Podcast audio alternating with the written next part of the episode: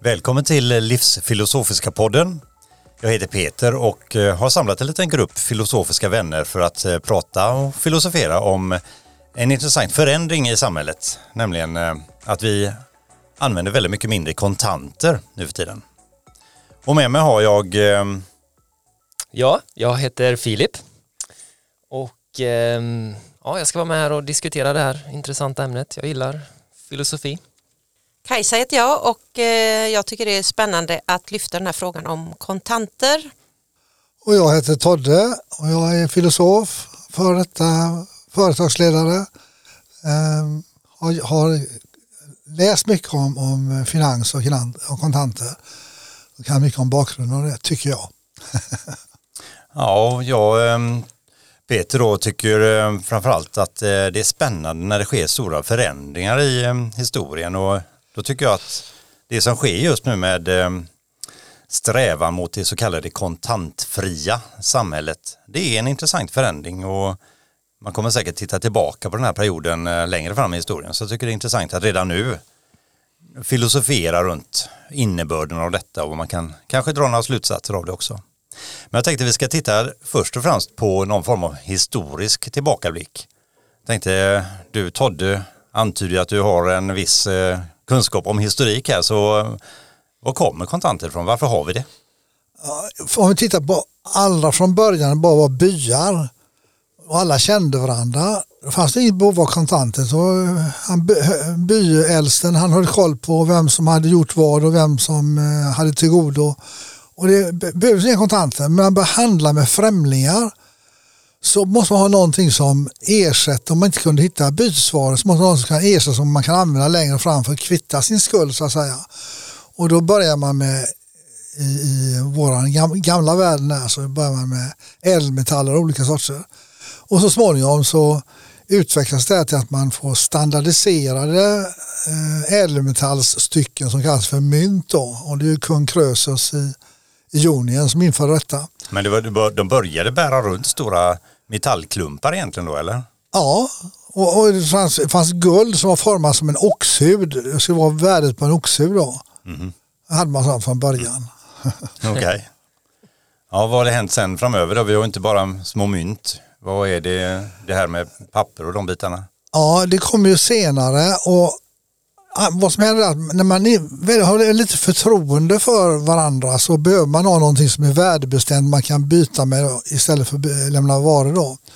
Och då har man de här ädelmetallerna som är värdebeständiga som man kan komma igen med senare och köpa någonting som man, man har fått en, ett tillgodohavande som är de här mynten då, eller ädelmetallerna. Men sen när det börjar bli större eh, omfattning på det här och förtroendet för att man kommer fortsätta att bedriva handel med varandra ja, då kan man börja införa sådana saker som papper. Det gjorde man redan i, i, i Babylon och sumererna. Så det är väldigt gammalt att kunna använda fast då var det inte papper, då var det ler, eh, lertavlor mm. som fungerar som sedlar. Det stod, innehavaren här är berättigad till så här många eh, kilo säd. mm. Ja. Okej, okay, och så det utvecklats framåt till eh, ja, de pengarna som vi till slut ja. har idag då? Ja, det har ju skett stora kliv då, så till exempel i Italien när Genua, Florens och Venedig började bedriva handel i stor skala. Då började man införa eh, papper i, i Västeuropa då. Mm. Som det stod att den så skyldes med växlar och sånt här. Mm. Så att det infördes då, då slapp man bära omkring på de här stora mängderna metall och så kunde man åka från eh, Venedig till Brygge i, i, Holland eller London och, och lämna över sådana papper och så kunde man få varor för det. Mm. En våldsam förbättring för handelsmännen. Och du var ju inne på det som, eh, som heter förtroende. Att allting byggde på att man skulle kunna ha förtroende för det pappret istället då. Att det, det faktiskt betydde någonting. Eh, att det är ursprunget till pengar då? Ja absolut och du kan se då hur det ursprungliga när man började använda metallstycken mm. då var det ju för att man litade inte på de andra men fick man ett metallstycke som hade ett visst värde så kunde man behålla det och så kunde man, behövde man inte lita på de andra. Mm. Men sen när förtroendet växer då kan man börja införa saker som inte är värda lika mycket som ett papper där det står så här mycket är den här personen god för. Mm. Och det här pappret kan du lämna så kan du hämta det hos banken i Brygge eller banken i Venedig var du vill ha in pengarna. Mm. Ja, men man kan kika på det med förtroende för jag tänker på um, hur det är idag med eh, när någon kommer med en bunt sedlar. Vilket förtroende har det med sig? Vad, vad tänker du eh, Filip till exempel om sådana bitar? Någon ska betala dig en bil i eh, 20 000 eh, sedlar eller kronor, pengar i sedlar. Ja, det har faktiskt hänt. Det var mer än så. Ja, Det funkade bra. Ja, nu är det ju några år sedan så att då fanns inte Swish och sådär men eh, Mm. Nej, bra. Vad säger du Kajsa då? Har du fullt förtroende för de här sedlarna idag? Det kommer ju upp en känsla utav att eh, någon eh, har svarta pengar. Mm. Man ska köpa en bil med, för 50 000 till exempel. Kommer med det i sedlar då tänk, tänker nog jag, var sjuttsingen har han fått de pengarna ifrån? Ja. Någonstans ja, så finns det ett visst tvivel när det är en sån stor summa. Ja. ja, jag har ju chockerat folk genom att eh, betala med sedlar just. De sa, Åh, har du pengar? Eh, ja, var det inte det du ville ha? och då blir det liksom en viss, eh, man blir lite, ja vad ska man kalla, sänkt, att man, är, man tappar förtroendet lite grann i det, känner jag, som det har blivit idag då. Så det är den intressanta förändringen som jag tycker man, eh, ja det är det som är spännande att titta på. Ehm, om man tittar på nutid då, nu har vi kommit in i att vi har eh, en värld där vi har gått från att framförallt i Sverige betala med pengar som, som man alltid gjort i alla tider fram tills att eh, nu används det inga sedlar alls nästan och många ungdomar vet inte vad mynt är eller hur de ser ut. Utan eh, det ska ske på eh, via olika transaktioner eller tekniska lösningar. Så någonstans finns det ju en, ett möjliggörande som har med dagens tekniska utveckling att göra, att vi kan göra så här. Men är det något som försvinner? Är det någonting som vi tappar när vi håller på med de här tekniska lösningarna? Vad säger ni? man slutar lära sig att räkna kanske. Ja, det är ju faktiskt någonting som eh, har påpekats från olika håll. Jag tänkte faktiskt på det när mina barn lärde, skulle lära sig matte så var de väldigt eh, omotiverade. De tyckte det var tråkigt tills jag tog fram pengar, riktiga mynt och så fick de börja lära sig att räkna pengar. Okej. Och då, då motiverar jag det med att behöver du eh, matematiken till något så är det att kunna räkna dina pengar. Och det tyckte de ju var kul naturligtvis och då lärde de ju sig Ja. lite mer om pengars värde. Ja. Men det var, Svårt att se ett vanligt kort. På ett, ja, det syns ju inga pengar då. Mm. det var ju skitkul att stapla liksom eh, mynt när man var liten och se hur det växte. Men undrar om det är någonting vi har eh, med oss att det där eh, att man har pengar, att det gör oss kapabla på någonting sätt, att man har en, eh, jag har en kapacitet i, ja, och nu är sedlar och mynt och grejer. Och den inte riktigt finns med. Nu hittar jag bara på en idé som kom upp här. Vad, är det någon som tycker att det låter rimligt? Att man kanske tappar sin ja, känslan av att jag är kapabel i mitt betalande, möjligheten att betala. Ja, jag tänker nog att eh, det är ju någonting som försvinner när man, det blir väldigt anonymt allting. Ja, abstrakt. Ja, och då eh, det, blir ju inte riktigt samma liv. Det blir inte levande. Nej, men det är klart att sådana aspekter är ju inte någonting som eh, egentligen kanske diskuteras utan man pratar mer om vad är det vi vinner på att inte ha eh, kontanter utan jobba med tekniken istället. Vad har ni för spontana tankar? Vad, vad vinner man? Vad säger du Todde? Vad vinner man på att ha kontantfritt eller lösa det med tekniska lösningar? Jag tycker att det var fantastiskt bra när man införde sådana här kontokort eller ja, kreditkort. Att man kunde handla på avstånd och bara eh, få sina varor levererade. Det var helt fantastiskt. Mm. Och jag har importerat mycket från USA. Och det var jättebra just att man kunde använda kortet. Man var tvungen att skicka checker tvärs över Atlanten. Men kortet var man liksom lämnade uppgifter om kortnummer och så kollade man koden. Mm. Var färdigt. Mm.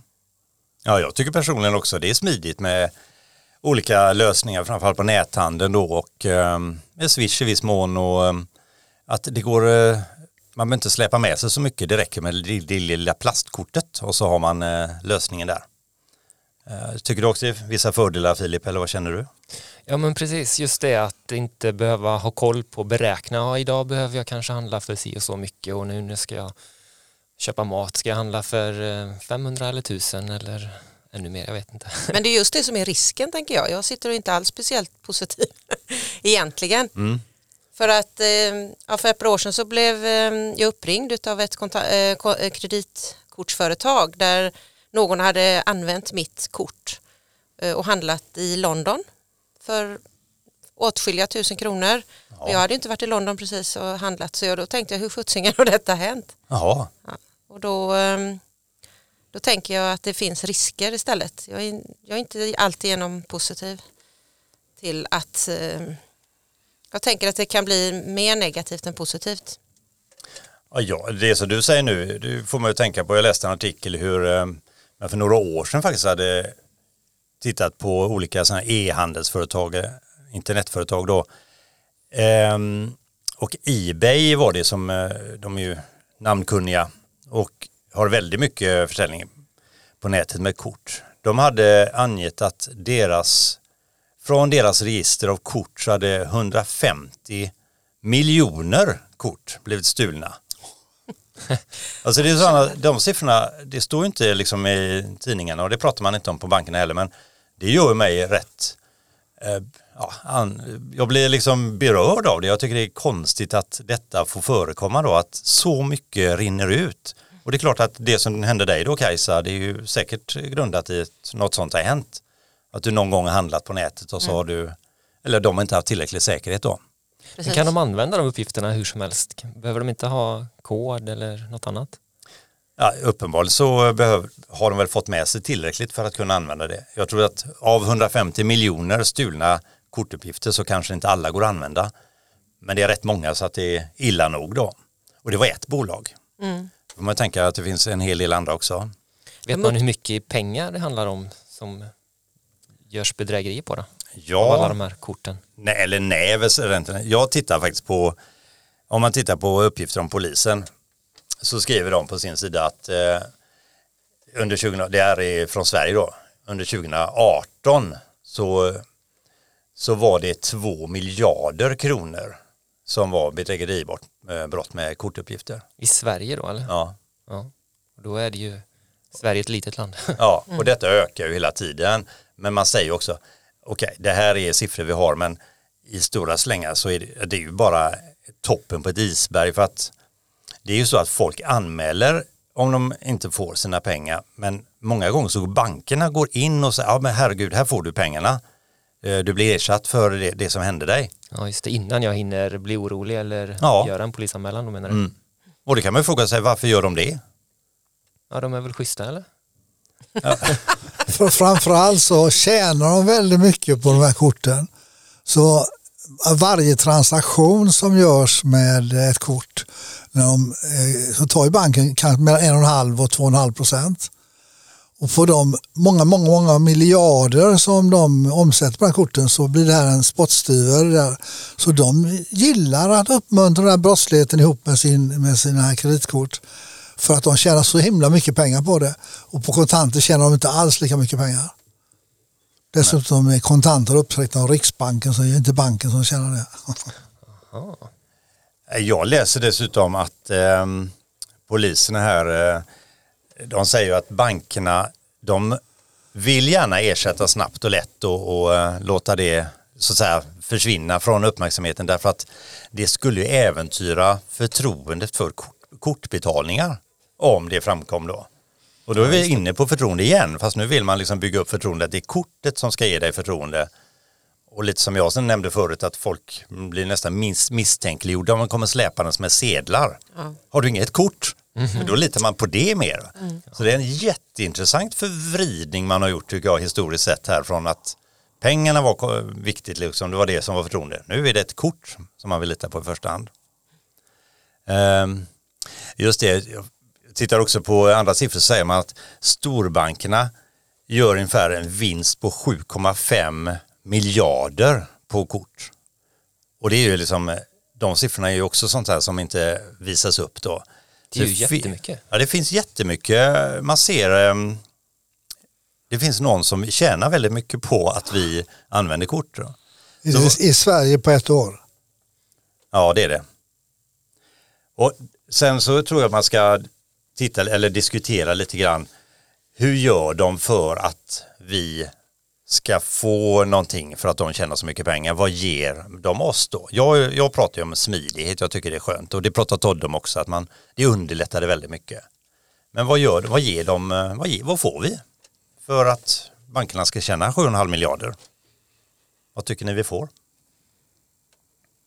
Ja, det var faktiskt en väldigt svår fråga. Jag tycker inte att man får så mycket. Det kostar ju mest. Det kostar ju ofta att ha ett eh, kort. Så jag tycker nog att det vi får är ju högre avgifter.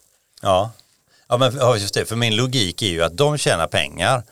Men de tjänar ju pengar på något. Det är ju någon som betalar pengarna. Exakt. Och det är ju naturligtvis eh, kortanvändarna, det vill säga allmänheten mm. som gör det. Och det är samma med bedrägerierna. Bankerna vill inte berätta att eh, det sker väldigt mycket bedrägerier för att det är egentligen allmänheten som får betala det. Återigen då. Så Men det, det. det, måste ju eh, ske väldigt mycket rån med vanliga pengar. Kommer inte det upp i eh, betydande nivåer det med då? Jo, Handels, eh, ja, vad heter de nu, Handelsinstitutet gjorde en utredning och tittade på, jag tror det var från 10-12 år tillbaka, som har sett att man har minskat då i rånmängden eftersom det inte finns så mycket kontanter i handeln med hälften ungefär. Och det är ganska, det är en, det är en bra ökning men det är på en väldigt lång period. Mm. Man så. tittar på kortbedrägerierna, det är betydligt mer eh, som försvinner. Ja, jag vet. Ja. Det är enormt mycket pengar, alltså, men återigen, det belyses inte då. Nej, just det. Nej, jag tänkte mest att ja, rånen minskar och att det blir säkrare med kort helt enkelt. Fast Men, om man blir rånad av eh, banken istället. Ja. Så tycker jag för någonstans eftersom vi hålls okunniga om det och att det inte syns så mycket att det är jättemycket värre. Mm. Än de, ja. den lilla kontantkassan som en eh, kiosk kanske har. Ja, jag har ju det här med, med att det är viktigt att eh, få fram vad ett rån är. För rån innehåller våld eller hot om våld. Så det är klart att en människa är ju man blir ju ans väldigt hårt ansatt av ett rån. Och det där som sker på nätet, det märks ju inte. Det, det rinner bara bort. Man kan bli lite upprörd. Jäklar, nu försvann pengar från mitt konto. Oj vad jag blev. Och så, så löser banken det åt dig. Mm. Så det är inte alls samma dignitet. Så därför så får rånen får nog en väldigt stor, mycket, mycket större uppmärksamhet. För det är någon, någon som blir berörd av det. Jag tänkte vi skulle um, höra lite på uh, förre rikspolischefen har ju engagerat sig i ehm, det här med kontanter. Jag tror det, han har drivit någonting som heter kontantupproret. Och han har eh, några punkter som han har sagt om eh, varför han tycker att det är viktigt att bevara kontanterna. Det kom från eh, SVTs eh, ekonomibyrån tidigare i år här. Så vi lyssnar lite kort på Björn Eriksson. Jag ser tre problem. Ett, det är uppenbart, det är integriteten. Storebror vet allt du gör. Två, du har en krishantering i detta. De här systemen går att slå ut. Och vad gör man när man viftar med sitt plastkort och det inte fungerar? Och det tredje, det är diskriminering helt enkelt. Det vill säga vissa grupper ställs vid sidan av samhället. Det kan vara många äldre som har problem. Eh, jag vet väldigt många äldre som har svårt att sköta ett kort. Ja men det var väl eh, intressant att höra mm, Eh, honom prata lite där. Nu nämner han ju tre grejer men vi börjar med integriteten då. Vad, mm, vad känner ni? Är det någonting som, som ni håller med om? Vad säger du Kajsa? Absolut, jag tänker att varje gång man använder sitt kort till exempel på näthandel då registreras det ju. Mm. Så att eh, om jag vill köpa ett par gardiner och börja googla på det så kommer det ju upp alla gardinföretag i flera månader framöver sen som annonser. Så man kan styras att handla på ett visst sätt, till exempel när det gäller näthandeln. Men det blir det kan jag ju inte välja. Kan du bli um, övervakad också på vad du gör för utgifter i det här menar du? Eller vad, vad ja, det, är, det är jag helt säker på. Okay. Att uh, allt registreras via mina kontokort. Mm. Ja men det gör det ju men är det någon som kollar på det? Är det någon som bryr sig? Jag tänker att det är bankerna som bryr sig mest. De som driver bankerna. Jag undrar om de bryr sig. Jag tror nog att eh, det finns, en, det finns en stor handel där man säljer information och uppgifter. Så återigen, för att tjäna pengar så möjligen, ja, de bryr sig för att de kan tjäna pengar på uppgifterna i så fall då. Jag vet inte, men eh, det var bara en tanke som kom upp här. Vad tänker du ta det sådana här grejer? Ja, Jag känner väl att jag är inte så bekymrad om det där med mitt snövita samvete. Så får de gärna ha reda på vad jag håller på med. Jag skiter i det. Ja, ja. Ja, så god kan man ju vara. Jag, ska, jag tänker det här också att eh, integritet, övervakning, då skulle det i princip kunna handla om att de också kan styra mig. Om jag fattar rätt så kan ju en bank i princip säga nej, nu ska du inte få eh, betala längre. Jo, men jag har, jag har ju pengar här. Nej, vi bestämmer att det får du inte. Är det en verklighet? Kan, kan det bli så? Eller är det bara jag som är rädd av mig? Ja men om man missköter sig så tänker jag om man liksom inte kan hantera sitt kort så kanske man inte har rätt att använda det sen. Nej, då stänger de ju av en. Det, Ja. Och det kan vi ju tycka är rätt då, men Ja, och om, om det inte finns kontanter då så kan jag alltså inte handla längre eller? nej, det skulle det bli i så fall ja. Men jag tänker, är det så att eh, vi kan lita på att de är tillräckligt goda domare så de kan bedöma vem som gör rätt och vem som gör fel och vem som ska stängas av och inte? Nej, Det tyckte inte Kajsa. nej. Ja, men de kan i alla fall kolla på fakta om man är slarvig och fixar så att eh, man eh, lämnar ut kortet så folk kan stjäla pengar och sådär. Ja, i sak kan de det. Jag är ju mer inne på att det finns en, eh, en ja, det här med mak- makten igen, att de kan styra mig eller någon via dem kan styra mig genom att begränsa mig eller andra då i samhället. Och i, stora, I stort blir det liksom att man kan kontrollera folket i samhället. exakt det var det jag tänkte på. På individnivå är det kanske inte så himla katastrofalt men om man tänker att man kan styra en hel massa av eh, individer då blir det ju genast lite mer effektfullt för den som vill styra. Mm. Det går ju att föreställa sig och det kan se ut i ju massa filmer. Ja, senast eh, Handmaid's Tale till exempel så Precis. stänger de ju Ja. av kvinnornas möjligheter att betala. Då. Och Det är ju katastrof. Tu vi är män. Men jag tänkte på en sak här, när man eh, ska eh, betala mellan varandra. Nu finns det ju det här Swish då, men då blandar man ju in en eh, annan eh, tredje part i den här transaktionen då. Ja, det jag inte gillar är att det är någon annan då som kan stoppa en eh, betalning till mellan dig och mig då, att jag blir beroende av en tredje part. Med kontanter så kan jag ju liksom bara enkelt ge dig vad jag är skyldig dig och ingen kan stoppa mig. Det är lite en baksida, eller det kanske är en väldigt stor baksida, men just att jag, vi löper risk att bli kontrollerade om allt bara läggs över till de här korten då, eller till bankernas regi. Det är ju privata verksamheter, det har ingenting med staten att göra längre. Så det är ingen folkvald grupp som sitter och sköter våra pengar, utan de sköts av eh, ja, din granne kanske, om man nu kan vara bankdirektör då. Ja. Ja, tänker på något av det eller? Ja, jag tänker på folkval. Det, eh, ska man lita på att folket är duktiga på att välja rätt individer? Det gör inte jag. Nej, det är så sant och dessutom då kommer vi in på ett helt annat område. Får ta det vid en annan podd tror jag. Men det finns väl eh, synpunkter på det också ja. Jag känner en bankdirektör som eh, förs- förskingrade två miljoner eh, kronor innan han blev upptäckt. Vad har för du inte för så länge vänner? sedan. en gammal skolkamrat faktiskt. Men eh, jag tänker att han ingav väldigt mycket förtroende som ung. Han var ordförande i en massa föreningar och grejer. Och, ja. Men eh, när, eh, när han hade möjlighet så var det väldigt lätt för honom att förskingra de där pengarna. Mm. Det är bara att tycker jag- läsa tidningarna så ser man ju hur bankerna misskött sig hela tiden ju. Precis. Så det känns lite jobbigt att det är de som ska kontrollera oss. Ja, det är det ju faktiskt. De säger ofta att de vill eh, kunna kontrollera oss för att, eh, och det kommer ju från eh, regering och riksdag, att vi, pengatvätt ska man inte få hålla på med. Och det vill de ju kontrollera oss, så inte vi gör det. Och så läser vi att det gör de, Ja. i alla fall vissa banker.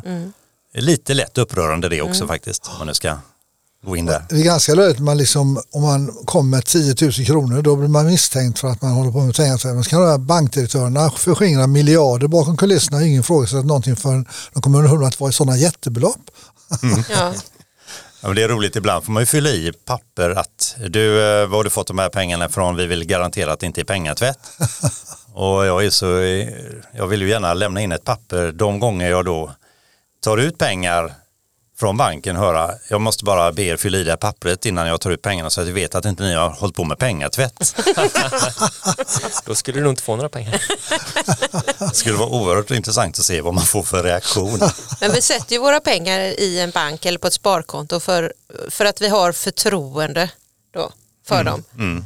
Men ehm, det går ju inte riktigt att lita på det längre. Nej, Det antyder att ditt förtroende är försvagat. Japp. Ja, Madrassen är ett bra ställe annars, tänker jag. ja du. Bara sitt plastkort. Tycker inte jag du ska säga det så här offentligt. Men jag, har, jag tänkte vi kan gå vidare också med den andra punkten som man tog upp då som har med kris. Eh, alltså det utsattheten som samhället befinner sig i då man endast är knuten till just kortbetalningar eller egentligen om man tittar på internet så är det ju uppkopplingar. Ingenting av det som är den här fantastiska tekniken fungerar ju då internet är utslaget eller strömmen är utslagen då. Ja, det är två olika risker. Ström är en och Ja. nätverket kan gå ner. Ja, jag var ju fall för det som höll på att bli en solskensaffär, nämligen eh, på ett café, köper en härlig kaffe och några goda frallor och så vidare och pang, strömmen går. Och han som står i kaféet säger, eh, hopp, då, eh, då blev det gratis här. För det var ingen som, eller de tog inte kontanter, eh, utan det var bara kort som gällde. Och vi glada i hågen satte i oss våra frallor och drack kaffe så det stod härliga till. Men eh, tog lite för lång tid på oss och strömmen hann komma tillbaka. Fick ni betala då? Så vi fick betala. Nej, Men det var en hel del kunder som eh, glatt gick ut därifrån eh, mätta och goa med eh, pengarna i, i, på sitt konto fortfarande. Då. någonstans kan jag ändå tycka det är bra att det händer. För då kan ju folk faktiskt eh, vakna upp lite grann och få, få en liten, eh, ja, ett litet uppvaknande. Att det här kan hända. Det var ju någon, någon liten stad som, eh, där det var en hel dag som det försvann i, här i Sverige. Och det var ju katastrof för handel och restaurang och allt vad det kan vara. Alla entreprenörer som behöver tjäna sina pengar. Ja, De kunde ju inte eh, ha någon service för kunderna överhuvudtaget. vi som människor är ju ganska beroende av att kunna sköta vår handel och köp och, och alla transaktionerna. Vill man göra ett folk väldigt, väldigt eh, irriterat eller upp, alltså man blir upptagen så kan man ju helt enkelt slå ut det landets eh, elektricitet. Som främmande makt är det en klassisk eh, metod att angripa ett land och jag tror aldrig vi varit så sårbara på elektricitet eller internet som vi är just nu tack vare att det är så ja, tätt knutet med betalningsförmågan. Och det är ju, jag tycker det är lite intressant om inte eh, försvarsmakten faktiskt eh, tar upp den här biten och tittar på det att vi skulle egentligen ha större möjlighet att betala med kontanter fortfarande. Ehm, jag tar upp det här lite grann för jag tittar på en, en artikel från just Riksbanken eller det är en rapport de har gjort. Så betalar svenskarna 2019 och ehm, då har vi just Sverige här. Vi har en, eh, en stapeldiagram där Sveriges kontantbetalningar ligger på ungefär ja, vad kan det vara, en 10 procent gentemot eh, kort då, som står för ungefär 90 procent av alla betalningarna. Så drar vi över till olika länder här, så Norge ligger ungefär samma. USA ligger på ehm, 50-50. Men tar man hela EU så är alltså kontant, kontantanvändandet i EU eh, ligger nästan på, eh, ja alltså det är, om det är över 90 procent, medan eh, de här eh, korten är väldigt, väldigt mycket mindre då. Och det är alltså så nära oss. Så Sverige är ju ett land som totalt skiljer sig från större delen av världen. Och det är också intressant. Hur kan det vara så? Vad händer? Varför blir Sverige sån? Är det någon som har bestämt det eller är vi speciellt eh, lämpade för det? Eller vad, vad är det med svensken? Någon som har kommentar på detta? Det var ju väldigt förvånande. Man lever i sin bubbla och tror att vi eh, inte är så speciella men Ja.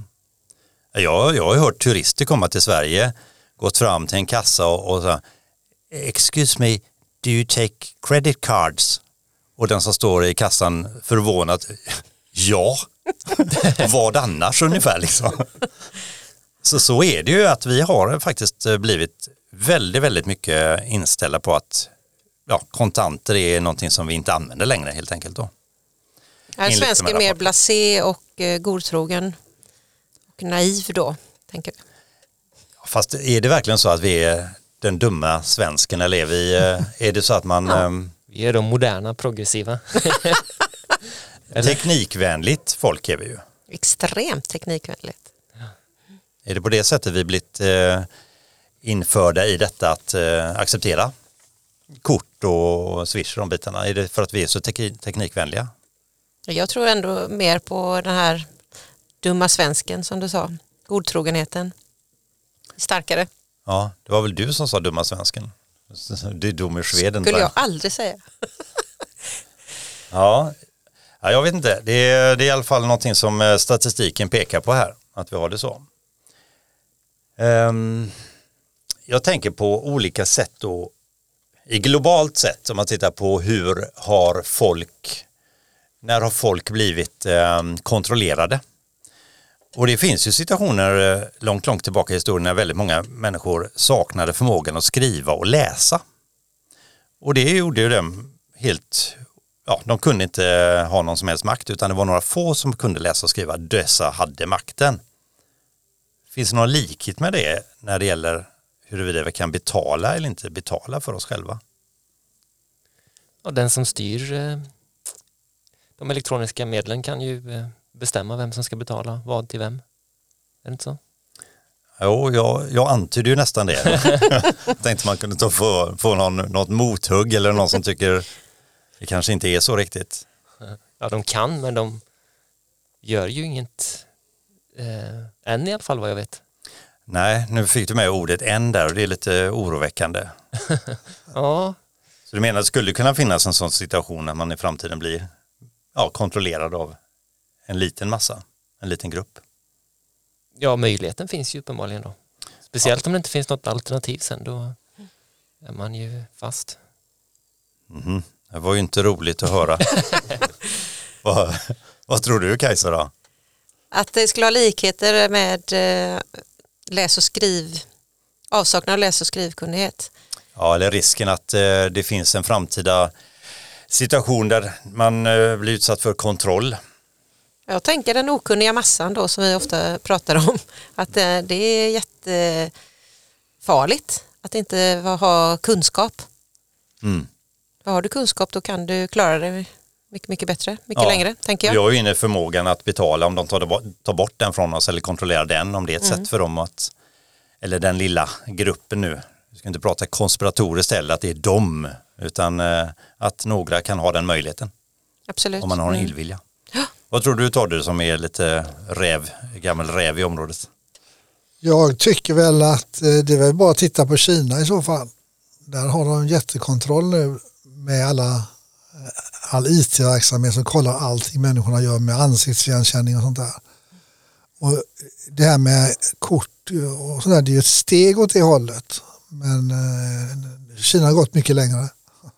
Ja, jag tycker det är otroligt beklämmande för jag tycker ju som sagt om att eh, den här smidigheten och enkelhet som är med kort och jag har ganska stort förtroende själv för att göra betalningar med, eh, ja, på internet och med Swish och allt det där. Jag tycker det är smidigt. Så det är väldigt tråkigt om det blir den eh, effekten som vi nu nämner då att, att risken för att få någon som utövar makt på en det är, det är en tråkig baksida kan man säga. Men du nämnde förut också Kajsa någonting om ehm, att det, det börjar ändra sig, att fler och fler vill betala med kontanter. Folket reser sig. Aha. Eh, Det finns ju en grupp på Facebook som har ökat eh, kolossalt mycket de senaste månaderna. Eh, Det går ut på att man ska bojkotta affärer och restauranger som kallar sig kontantfria då, som inte tar kontanter. Och det är en entreprenör som är, driver den. Och den har ju ökat med nästan 150 000 invånare, äh, invånare medlemmar. Och eh, enligt deras egen statistik så har minst 200 företag börjat ta kontanter igen efter påtryckningar av hela den här gruppen på 150 000 människor då, som är ute i många olika delar av Sverige och trycker på och eh, peppar de som faktiskt då tar kontanter. Det har vi ju sett många småbutiker och affärer och kaféer och restauranger som har små skyltar idag. Vi tar gärna kontanter. Och eh, på den här gruppen Facebook så blir det mycket sådana eh, bilder och, och reklam för de små företagen då. Mm. Ja, men jag vet ett ställe jag brukar eh, fika på ibland, där, där har de bara det att eh, nej, kort tar vi inte, du får springa ut och hämta pengar någonstans. Liksom. Så, och det är ju lite besvärligt men det är, det är lite kul eh, att det faktiskt är så, det är väldigt ja, rent på något sätt. Ja, ja jag gillar det. Mm. Facebook-sidan heter eh, Bojkotta kontantfria affärer och restauranger. Om man är intresserad av att gå med. Det är ett långt namn. Okej. Vad, tycker, vad tycker du om? Det verkar som du tycker om det. Jag gillar att det finns sådana här driftiga entreprenörer som gör någonting med namninsamlingar och de vill gärna skapa olika demonstrationer på olika och de har flygblad de delar ut angående detta. Och Mm. Just den gången så funkar ju Facebook väldigt bra när man kan snabbt nå ut till många. Mm. Och det verkar vara eskalerande intresse för att bevara kontanternas liv i vårt land. Mm. Ja, det kanske är så. Vad tror du att deras anledning är? Är det det som vi pratat om nu eller något, något mer? Jag tänker att de är på samma linje som oss. Okej. lite mera Ja, det är ju väldigt många individer som är där ju, 150 stycken och det är 150 000 Mm. personer. Så att det blir ju väldigt mycket olika åsikter såklart. Ja, Men eh, idén bakom är ju att, att vi ska få in mer kontanter i samhället igen. Vi var, var väl inne lite på kostnader för handlarna för att det har jag pratat med väldigt, väldigt många småhandlare som säger att de är, ja, de är trötta på de enorma kostnader som de utsätts för tack vare att de har kort då. Mm. Och eh, ja, gärna hänger på sådana grupper och liknande som du håller på med. Precis. Och vissa kort är väl till och med dyrare än andra så att en del tar dem inte. Eh, Det var du som hade siffror på det Todde som pratade om vad handlarna betalar för sina kort och sådana bitar. Ja, det blir ju mellan en och en halv och två och en halv procent som går till banken som dras av från köpsumman de har och lämnar in. Ja, men har de inga andra kostnader för kort? Jo, de förfarande? måste köpa den där kortapparaten som kostar någon tusenlapp. Ja, Och även Swish är ju samma kostnad typ Ja, som eh, kort när det gäller företagare. mellan företag. Ja. Ja, fortfarande gratis för eh, oss privatpersoner då. Går man tillbaka till och bara sätter sig in i hur det var när man bara hade kontanter. Det, var, det är väldigt, väldigt, känslan blir väldigt annorlunda när man bara gick helt fritt runt och gjorde vad man ville utan någon som helst eh, insyn eller inblandning av någon annan. Och det du beskriver är ju nutid där det kan strula och det blir konstigt, det blir en annan känsla liksom. Det är alltid någon mer med. Du är inte ensam. Det kan ju låta jätte och skönt. Jag är aldrig ensam. Men det här, i det här området skulle jag nog vilja vara lite mer ensam då. Få styra och ställa själv. Ja, man blir i alla fall beroende av att annat ska funka. Precis. Jag var i affären och skulle storhandla igår och eh, skulle betala med mitt kort för det var en ganska stor summa som jag skulle köpa. Och så, så stod det att det inte medgavs. Det var något sånt här teknikfel, tekniskt fel, försök igen. Och jag hade ju pengarna i plånboken så klart att jag, då tog jag bara upp mina pengar och så betalade jag med, med mina sedlar och så var det ju klart. Men det, är- det är helt klart att det är struligare när man blandar in en tredje part. Det kan ju till och med vara det här kortet då som är den tredje parten Ja, ibland. Mm. Så då tänkte jag, varför, tänkte, varför betalar jag inte direkt med mina pengar? Jag har ju dem. Ja, ja, alltså, man kan väl egentligen summera lite grann av det här att eh, det är otroligt enkelt och jättesmidigt att hålla på med de här både kort och swish och överföringar och grejer då. Så länge det funkar. Exakt. Men jätrar vad det blir strul så fort, eh, så fort det slutar fungera tekniken där. Och vi, det är ju så starkt eh, ja, upphängt på att tekniken funkar. Sen la vi in den här aspekten också att det finns någon form av övervakningsmöjlighet och vi kan bli kontrollerade och krisläget det har ju ihop med tekniken där och strömavbrott och sånt där då. Men jag tänker på hur blir utvecklingen om vi står här nu? Vi har precis det här idag.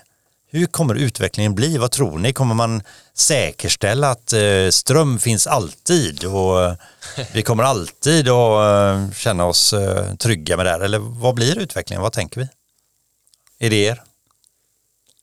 Jag läste ju senast i veckan att det kommer bli mer och mer problem med strömförsörjning. Att det kommer pikar. Ja, det var ju negativt. kan någon säga något bra? Finns det något som blir positivt? Jag tycker det är positivt att fler och fler börjar inse i alla fall att det finns mycket risker med att hålla sig eh, kontantfri. Mm. Att fler och fler börjar välja att plocka ut sin lön eh, i kontanter och lägga på hög någon annanstans. Men det låter så radikalt. Måste man göra? Det måste man inte men det är, det är väl bra om det finns några eldsjälar som går i bräschen och, och gör någonting för att uppväga den balansen. Vad, vad var det du sa, 90-10 med kontanter, kort, köp i Sverige 2019.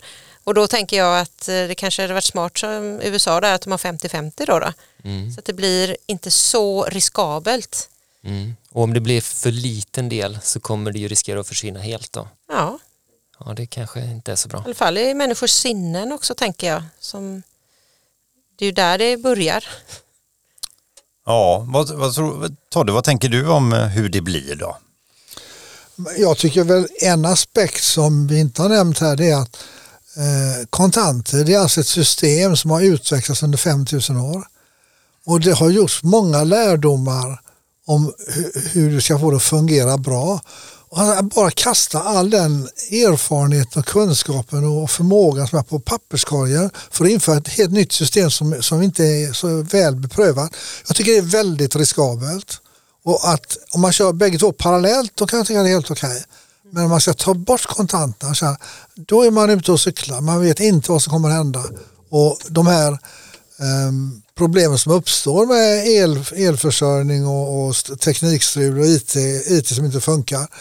Det kan man idag ofta lösa med kontanter så att det syns illa ut. Men skulle kontanterna försvinna skulle det bli katastrof varje gång. Jag tycker det är väldigt riskabelt att bara kasta bort de här 5000 åren av erfarenhet. Ja, men det var lite det jag var inne på från början också, att man har en historisk eh, bakgrund och just de här sista, sista korta åren i den här långa, långa tidslinjen, då ska man radikalt förändra, bort med det snabbt som 17. Så jag blir, vem är det som driver detta och vad är det man vill åstadkomma? Det är inte bara våran, eh, det är lätt för oss att betala och gud vad smidigt det är och så vidare. Det, är, en- det känns som det är något annat som ligger bakom här. Och det är den förändringen som jag tycker är så intressant då. Och då frågar man sig, vem är det som tjänar på det här kontantfria samhället? Och då får vi svaret automatiskt. Ja, vi kan väl eh, avrunda med den frågeställningen då så får eh, våra lyssnare ta den med sig på egen hand. Så vem tjänar på det kontantfria samhället?